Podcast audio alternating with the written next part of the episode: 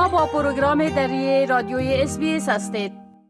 حکومت محلی کمبرلند در غرب سیدنی یک درخواست جامع افغان در او ناحیه برای شامل ساختن نوروز در جنتری رسمی مراسم اجتماعی شورای محلی و برگزاری او با کمک مالی شورا و همچنان نصب یک نقش افغانستان به صورت حک شده در سنگ در یکی از پارک های کمبرلند پذیرفته. ما اکنون خانم طاهر نصرت از انجمن صلح افغانستان که از مبتکرین ای درخواست است با خود داریم تا درباره ای مسئله صحبت بکنن.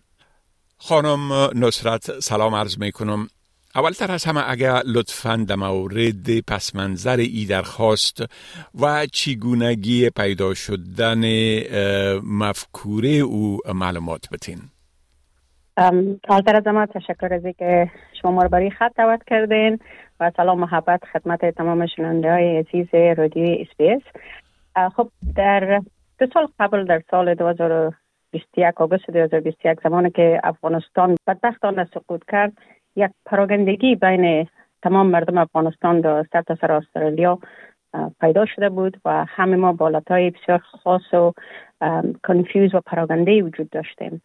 و هم ما من حیث شهروند افغانستان کوشش می‌کردیم که مردم افغانستان کمک بکنیم به وجه که ما می‌تونیم ویزا برشان اپلیکیشن به هر شکل هر کس توانی خود کمک کردن.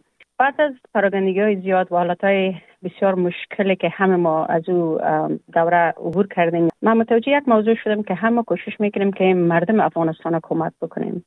و همه ما واقعا یعنی ضرورت است که باید مردم افغانستان کمک بکنیم. منتها در سه نام افغانستان هیچ نوع کار صورت نگرفته. قبلا هم و نمی گرفتم هم جریانه که امی پروپوزال یا تقاضا را ما تایید ساختیم.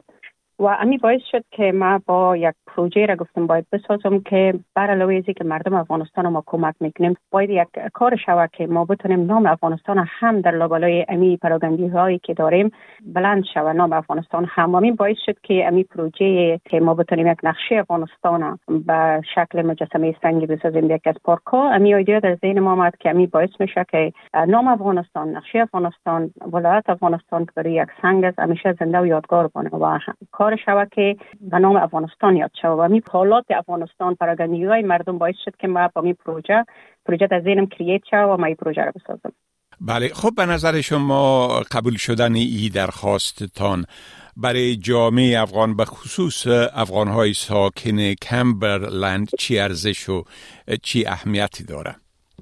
پروژه افغانستان وقتی که من ساختم دو موضوع برای بسیار مهم بود یکی ارزشش و دیگه ضرورتش.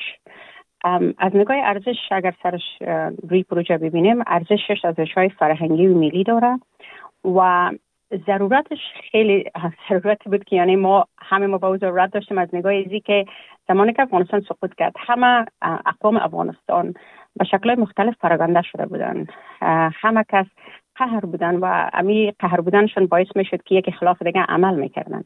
و ما گفتم باید یک چیزی باشه که ما را با هم پس دوباره وصل بسازه و زیاد ما سری موضوع فکر کردم و فکر کردم گفتم اگر نقشه افغانستان به شکل مجسمه بسازیم یکی از ضروریات نمبر یک بویم هست به خاطر از که تمام ولایت افغانستان برای یک سنگ با هم چسبیده. اگر هر چقدر ما مردم کوشش بکنیم که به سابق قوم خود طرف خود کش کنیم هر کس به طرف خود کش بکنه هیچ کس یعنی هیچ قدرت نمی‌تونه. که ما را یا ولایات ما را از روی سنگ جدا بسازه و خود امی وقتی که میگم ضرورتش هست از نگاه ازی که امی نقشه افغانستان داشتن ولایت افغانستان برای یک سنگ چسبیدن و بودن همش برای یک سنگ نشانی از یک جو بودن بر من بله یعنی این یک سمبل از وحدت تمام اقوام در داخل افغانستان است. بله, بله. بله, بله, بله بسیار عالی. خب حالی که درخواستتان برای درج برگزاری نوروز در جنتری مراسم کمبرلند و قرار دادن یک نقشه سنگی افغانستان در پارک پذیرفته شده. آیا محل جا دادن این نقشه هم تعیین شده؟ و اگر بگوین که پس از چی واقع میشه.